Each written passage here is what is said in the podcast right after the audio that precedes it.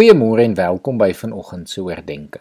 Ons dink vanoggend na oor hoe die wêreld rondom ons sin maak. Elke mens moet deur sy lewe sy eie wêreldbeeld vorm. Hoe werk en funksioneer hierdie wêreld rondom ons is 'n vraag wat elke mens vir homself moet uitmaak.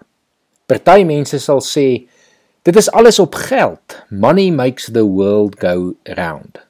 Ander sal weer sê dit is liefde.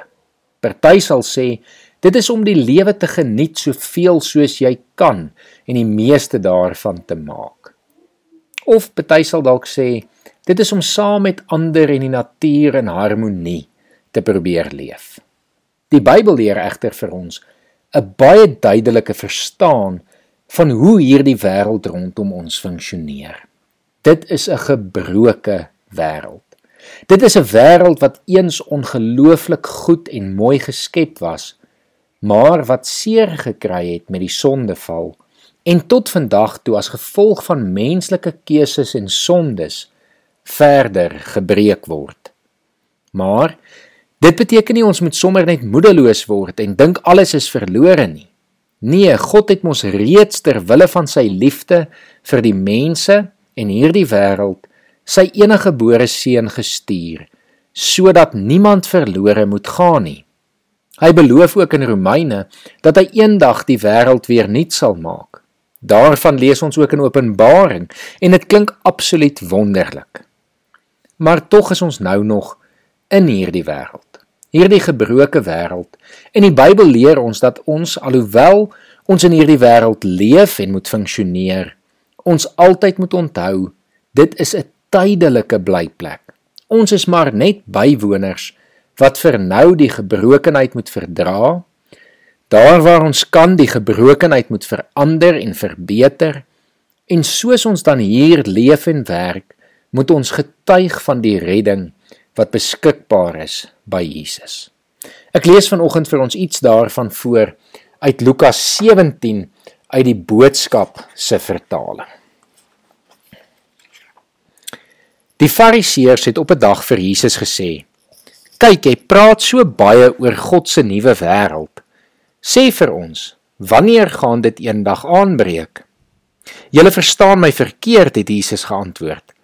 "As ek vir julle sê dat God se nuwe wêreld hier is, dan bedoel ek nie dat dit iets is wat julle met die blote oog kan sien nie.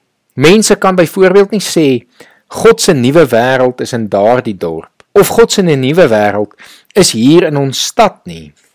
Nee. God se nuwe wêreld is nie in die een of ander dorp of land nie. Dit is iets wat binne in jou lewe gebeur. Wanneer jy aan my kant kom staan, verander jou lewe van binne af. Dan is jy 'n burger van God se nuwe wêreld. Toe draai Jesus na sy volgelinge toe en sê vir hulle: Ek moet egter nog iets oor God se nuwe wêreld vir julle sê. Daar gaan wel 'n dag aanbreek wanneer almal hierdie nuwe wêreld met hulle eie oë sal sien. Dit is op die dag wanneer ek die seun van die mens weer terugkom na hierdie wêreld toe. Maar totdat dit gebeur, wag daar swaar tye op julle.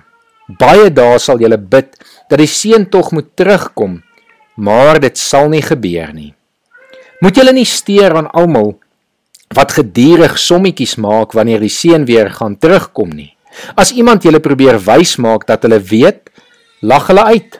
As hulle sou sê kom, die Messias is daar in die stad, vergeet dit. Of as hulle sou sê hy is daar aanderkant, moenie eers die moeite doen om te gaan kyk nie.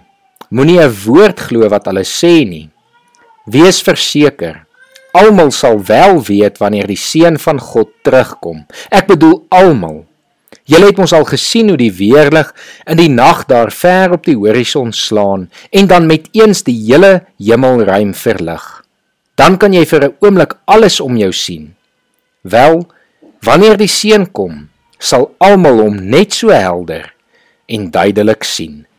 Kom ons bid saam.